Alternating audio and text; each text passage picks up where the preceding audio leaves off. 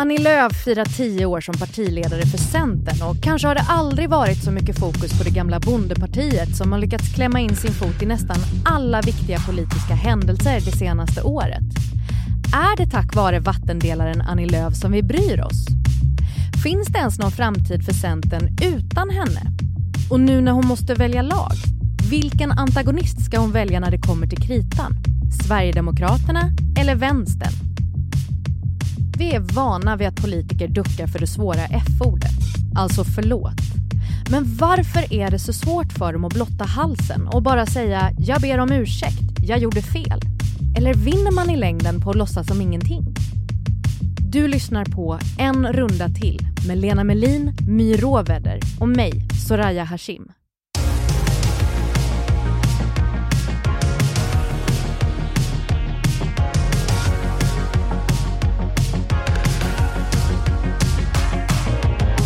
Ja men hörni, välkomna till det allra första avsnittet av En runda till. En podd där Aftonbladets politiska experter My Råväder och Lena Melin snackar politik med mig, Soraya Hashim. Hallå!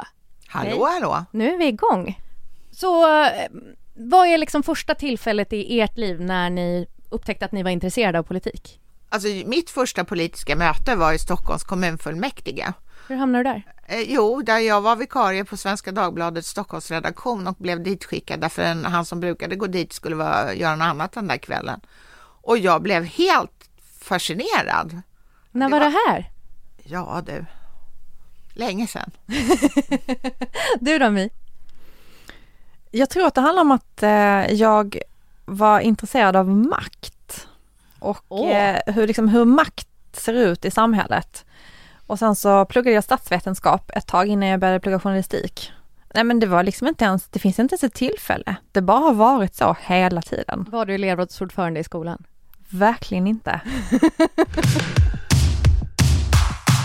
Hörni, i veckan presenterades regeringens budgetförslag och som det ser ut just nu så kommer både budgeten och regeringens framtid avgöras av vilket gäng som Centerpartiet vill hänga med. Antingen regeringen eller deras tidigare allianskollegor. Samtidigt är det så att Centerpartiet har en stämma som börjar idag som ska hålla på i fyra dagar. Och under den här stämman så ska de bestämma vad det är för typ av politik de ska ha och hur de ska presentera den. Dessutom så markerar den här partistämman Annie Lööfs tioårsjubileum som partiledare för Centern.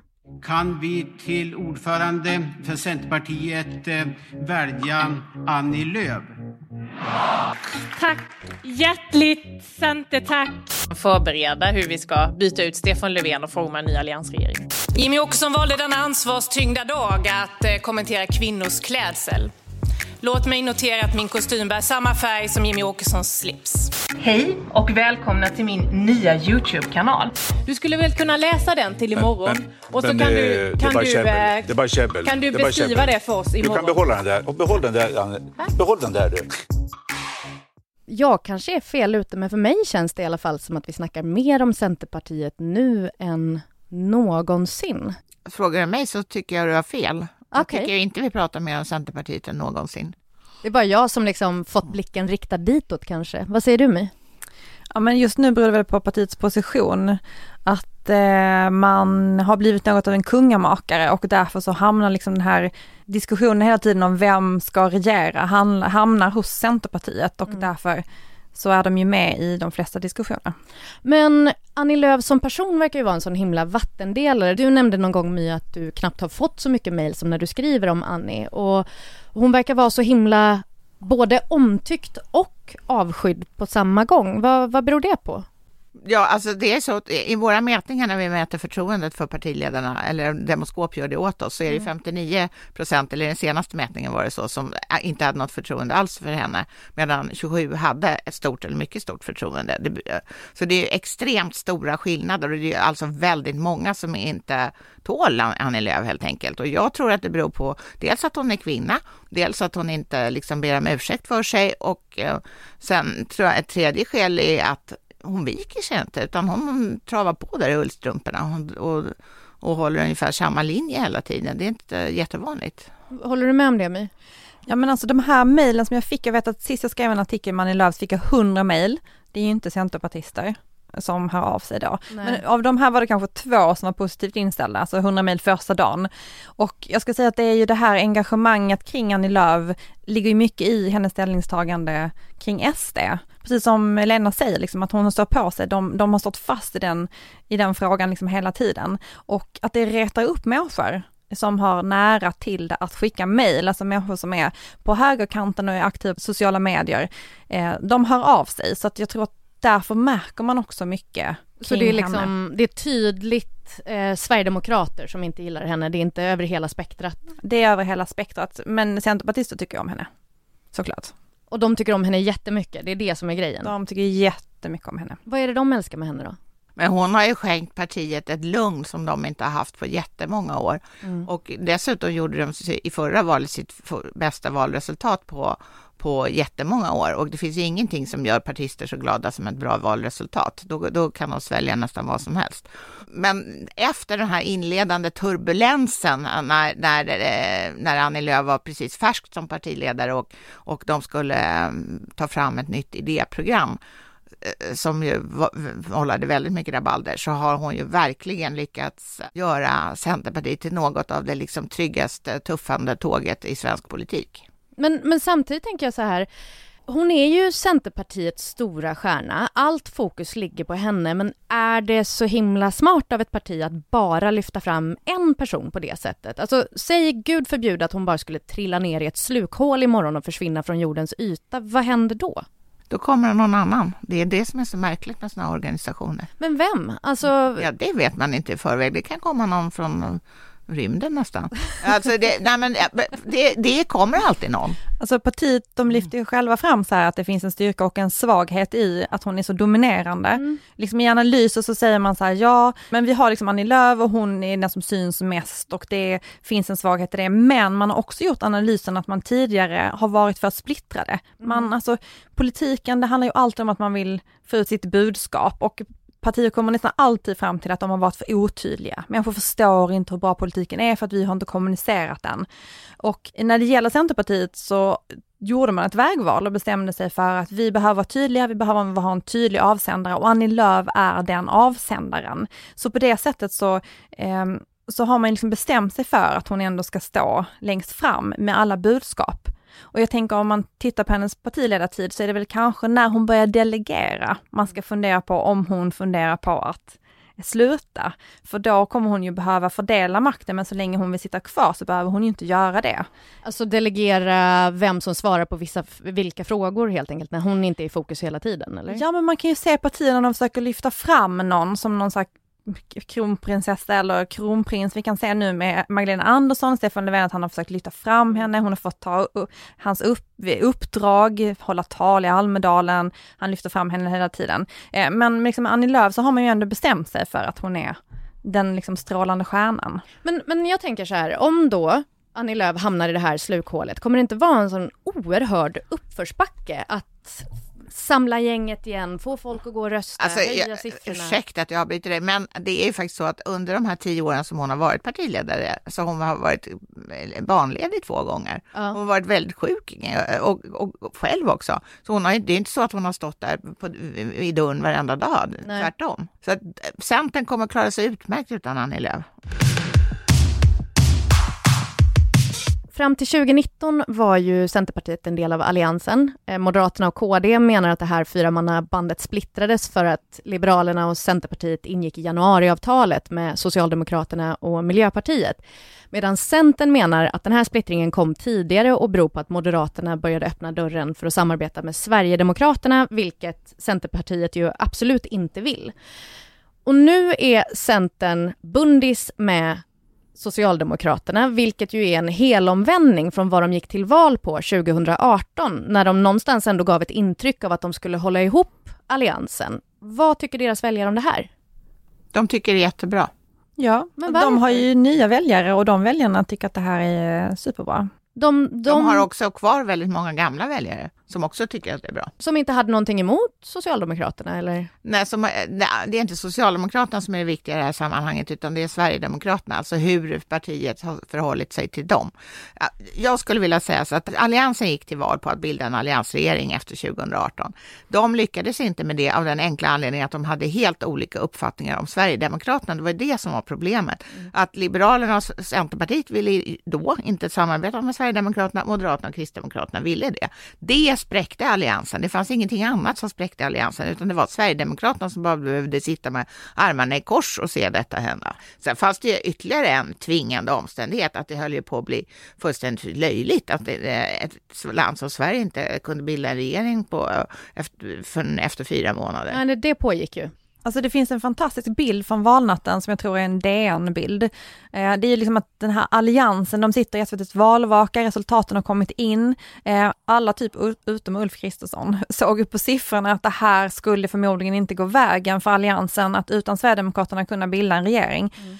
Eh, och då är det så att Annie Lööf och Jan Björklund, de sitter på en sida bordet och samtalar lite viskande bakom handen och Ebba Busch och Kristersson sitter på den andra hörnan och pratar så sammanbitet tillsammans. Och redan där såg man att det fanns två uppdelningar i alliansen. Redan där var de ju liksom på väg bort från varandra. Och mm. jag menar, ju mer Annie Lööf pratar om allianstiden, desto mer tar hon ju också vad ska man säga, ett avstamp ifrån det och pratar liksom om det som ett liksom, politiskt projekt. Men det var ju ett otroligt, liksom, det var ju större nästan än ett politiskt projekt, det var ju liksom en identitetsprojekt när det pågick. Badtunnor och allt.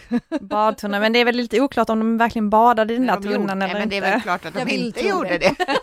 nej, de planterar skog. Ja. Mm. Eh, det finns ju många oklarheter kring allt som har hänt, många politiska myter om hur saker och ting har gått till.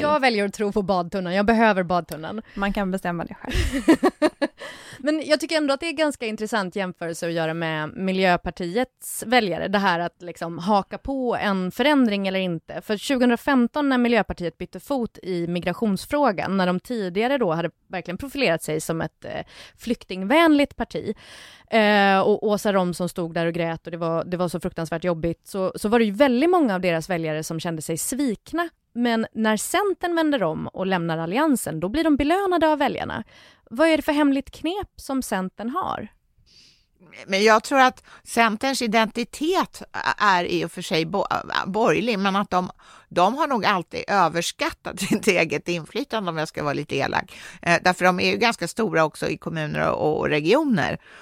Så deras självuppfattning är kanske en, eh, något mer grandios än, än, än, den uppfattning som alla andra människor har. Så att de tyckte, jag tror inte att de upplevde det som så här, så här ja, det var väl tråkigt, men inte att det var in i hjärten, hjärteroten tråkigt. Jag skulle säga att de nog är det mest grandiosa partiet nästan. Mm.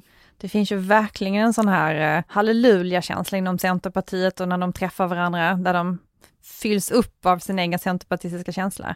Men sen så tror jag också det handlar om att de har ju inte ändrat sig politiskt. Nej. Det är liksom en stor skillnad där för, för Miljöpartiet. Nu ändrade de sig ju egentligen inte politiskt heller. De bara fick göra att, eh, de fick göra liksom en kom, politisk kompromiss som gick helt emot liksom hel varje fiber i partiet.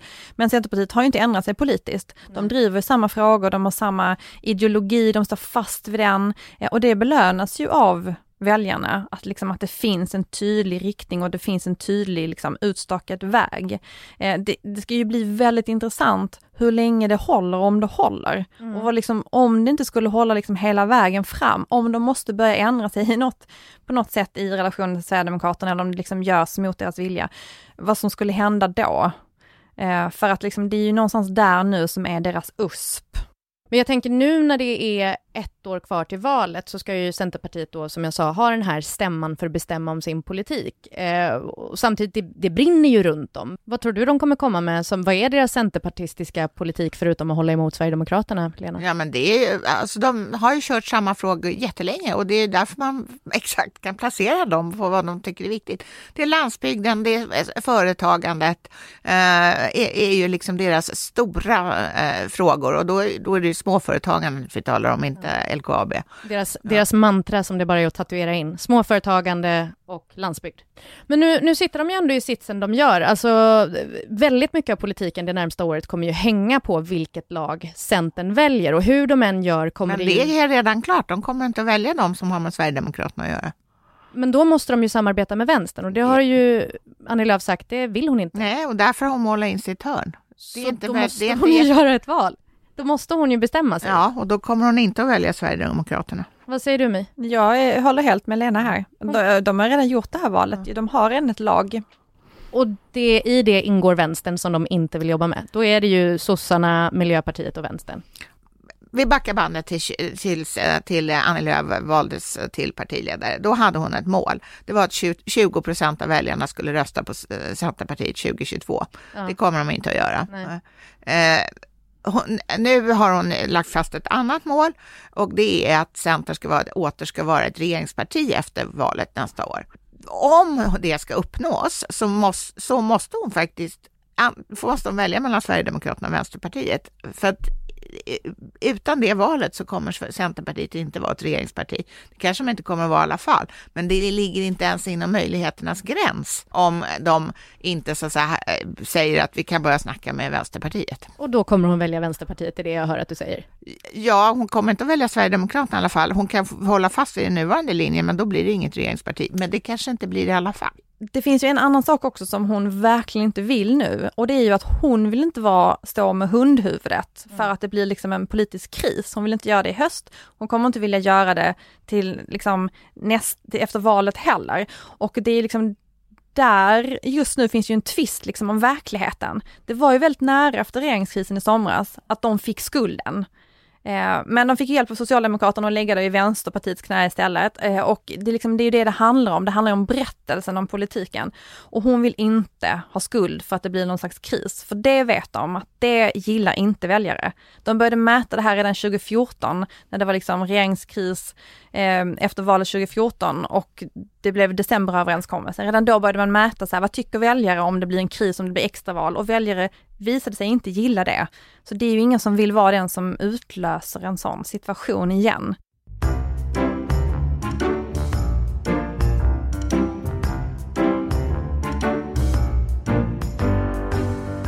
Är du bra på att be om ursäkt? Ah, inte alltid ska jag säga, men, eh, men eh, det, ibland kan det sitta väldigt långt inne. My, vad tycker du en ursäkt behöver innehålla för att få dig att förlåta? Mm, det är en väldigt bra fråga. Jag har ett barn som är väldigt bra på att be om ursäkt eh, och jag förlåter ju henne oavsett och omedelbart. Men det är också för att det är ditt barn. Exakt. Om jag skulle be om ursäkt, och, som inte är ditt barn, vad skulle jag behöva säga? Ja, det beror på vad du har gjort. Soraya. vad har du gjort? vad har jag inte gjort? Det har ju snackats en hel del om den här intervjun med justitieministern Morgan Johansson i SVTs program 30 minuter förra veckan. En intervju som gav så många skamsköljningar att jag var redo att så här, klippa av mig mina öron och bli Soraya van Gogh. En grej som fastnade hos mig i den här intervjun var när de pratade om att Folkpartiets Lars Leijonborg 2002 la fram ett förslag om språktest. Att man skulle liksom vara på en viss nivå av svenska för att få medborgarskap i Sverige. Då kallade Morgan Johansson det här förslaget för främlingsfientligt samtidigt som han själv nu kommer med typ exakt samma förslag. Har du bett honom om ursäkt? Nej, nej, det har jag inte gjort. Men det är klart att jag, jag är... Varför inte det? ja, men, så här är det ju ofta ibland i politiken. Att man ser hur utvecklingen ser ut och då får man ibland vara beredd att omvärdera. Fast återigen, det här är ju en jätteskillnad. Mm. Hur menar du? Och nu säger du att ja, han hade rätt. Va- Har du inte sagt till honom att du, det där jag skrev, det var, det var alldeles för hårt? Nej, men det har jag inga problem med att, med att säga. Mm. Vad tycker ni om den här ursäkten? Alltså jag bara tänker att Magda kan, kan jag, jag, inte ens jag skulle kräva av Morgan Johansson att han greppar telefonen och ringer Lars Leijonborg och säger du hade rätt, jag hade fel. Eh, det är visserligen, era, har, visserligen så har det gått 20 år, men jag i alla fall vill jag bara säga det här. Eh, men om, däremot så kan det hända att de stöter ihop och då kanske man skulle kunna eh, ja, yppa det på något sätt. Ja, men det är ju inte unikt att politiker inte ber om ursäkt. Jag tänker, nu är han ju bara en av många. Som liksom inte ber om ursäkt. Och sen så kan man ju också säga så här, vad är rimligt att be om ursäkt för? Som Lena säger så här, ska man ringa, det är lite som om man har gått i terapi och så säger de så här, ring alla som du har oförrättat. och sen så, nej så det är väl lite, det har ju absolut, absolut, det har ju liksom en, spelar ju en roll i en sån här utfrågning. Men frågan är liksom om man skulle applicera det på verkligheten, hur rimligt det hade varit.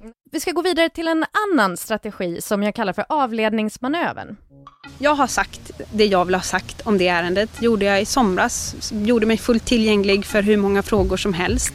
Eh, och vill man försöka liksom distrahera genom att flytta över fokus, gör det. Men gör då också någonting för alla de barn som kommer i kläm i Sverige fortsatt. Och skänk gärna en slant till dem.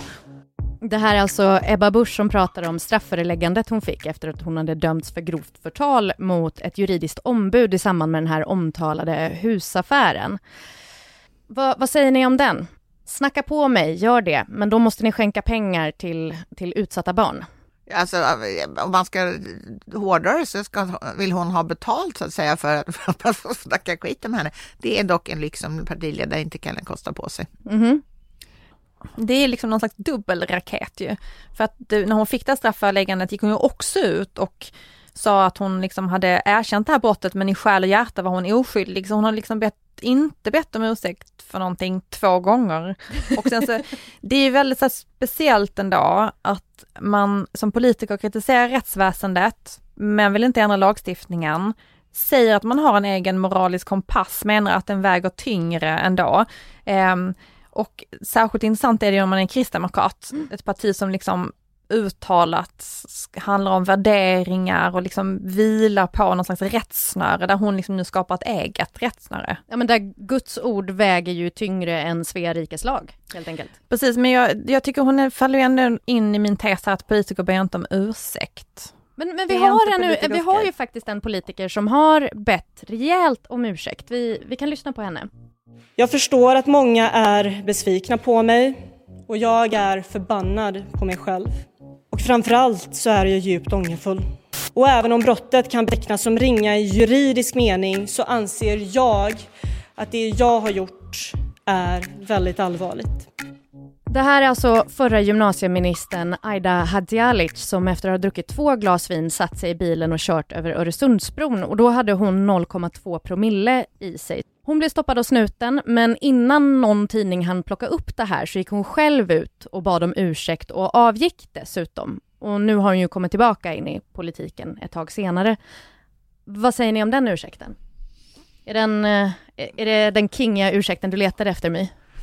Men eh, förlåt, jag, jag, tror att det där var väldigt bra gjort av henne, fick ja. gjort att hennes så att säga, tid ute i, utanför politiken blev ju väldigt kort faktiskt. Utan, för alla tyckte, ja men gud, avgår stackars flickebarnet fast hon knappt hade gjort något fel. Uh, knappt varit full. Ja, nej, så att hon gjorde helt rätt. Men, men är det så här vi vill att politiker ska be om ursäkt då? Men du sa att så här, politiker ber inte om ursäkt. Vill vi att de ska göra så här? Alltså Aida Hadzialic var ju en guldkalv, eller ja hon är väl det fortfarande inom socialdemokratin, så att det finns väl vissa tecken här på att det är en strategi som partiet har hjälpt till med för att hon skulle kunna komma tillbaka. Mm. Eh, sen hamnar hon ju i regionpolitiken, alltså det är ju inget fel på det, men det är ju en ganska undanskymd plats ändå i politiken, att bida sin tid, att vara en liten gädda i vassen innan man ska liksom komma fram igen. Så eh, ja men det beror väl lite på så här, vilka parametrar, vad är det man ber om ursäkt för.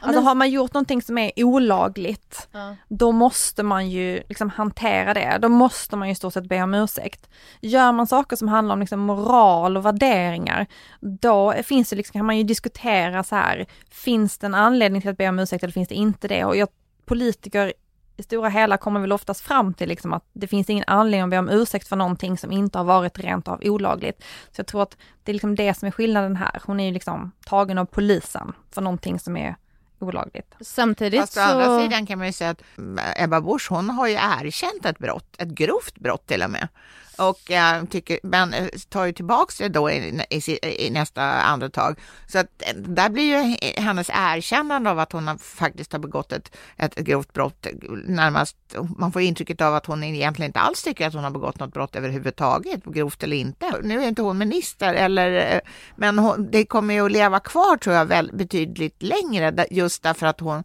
hon slingrar sig som en, som en orm. Mm. Och, och kommer hon fortsätta göra det? Kommer hon sitta kvar? Vad säger ni? Jag tror att hon kommer sitta kvar, absolut. Och jag tror också att hon kommer fortsätta slingra sig.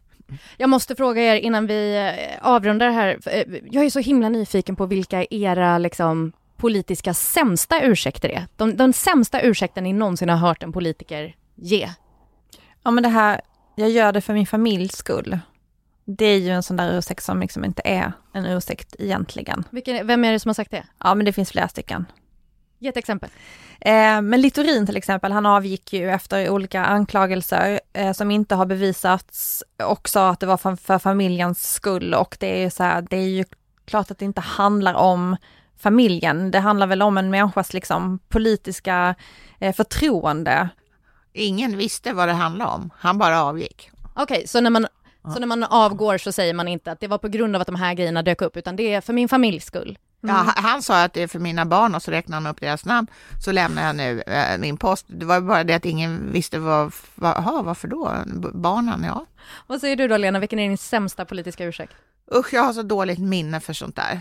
Så jag kommer inte ihåg vilken som var sämst. Men äh, de flesta när de så att säga avgår eller har gjort, kom, brukar inte komma om de överhuvudtaget behöver ursäkta sig, vilket ju de flesta inte behöver, eh, brukar inte vara så himla välfunna, de där ursäkterna. Det känns som att det borde finnas någon kurs de kan gå. De kanske kan höra av sig till Aida och, och se om de kan lära dem något. De går så många kurser på just sådana här frågor, hur de ska hantera saker De får gå kursen igen, reklamera kurs, mm. tack. Hörni, tack så jättemycket för idag. Det här var första avsnittet av Aftonbladets politikpodd En runda till. Om du trycker på följknappen i vilken spelare du nu än lyssnar på så borde nya avsnitt dyka upp automatiskt för dig. Om det inte är en dålig spelare, men vad vet jag om vilken spelare du lyssnar i? Vi som har gjort programmet är producent Olivia Svensson, experter Lena Melin och My Råveder och jag heter Soraya Hashim. Vi är tillbaka nästa vecka igen. Vi hörs då. Hej hej!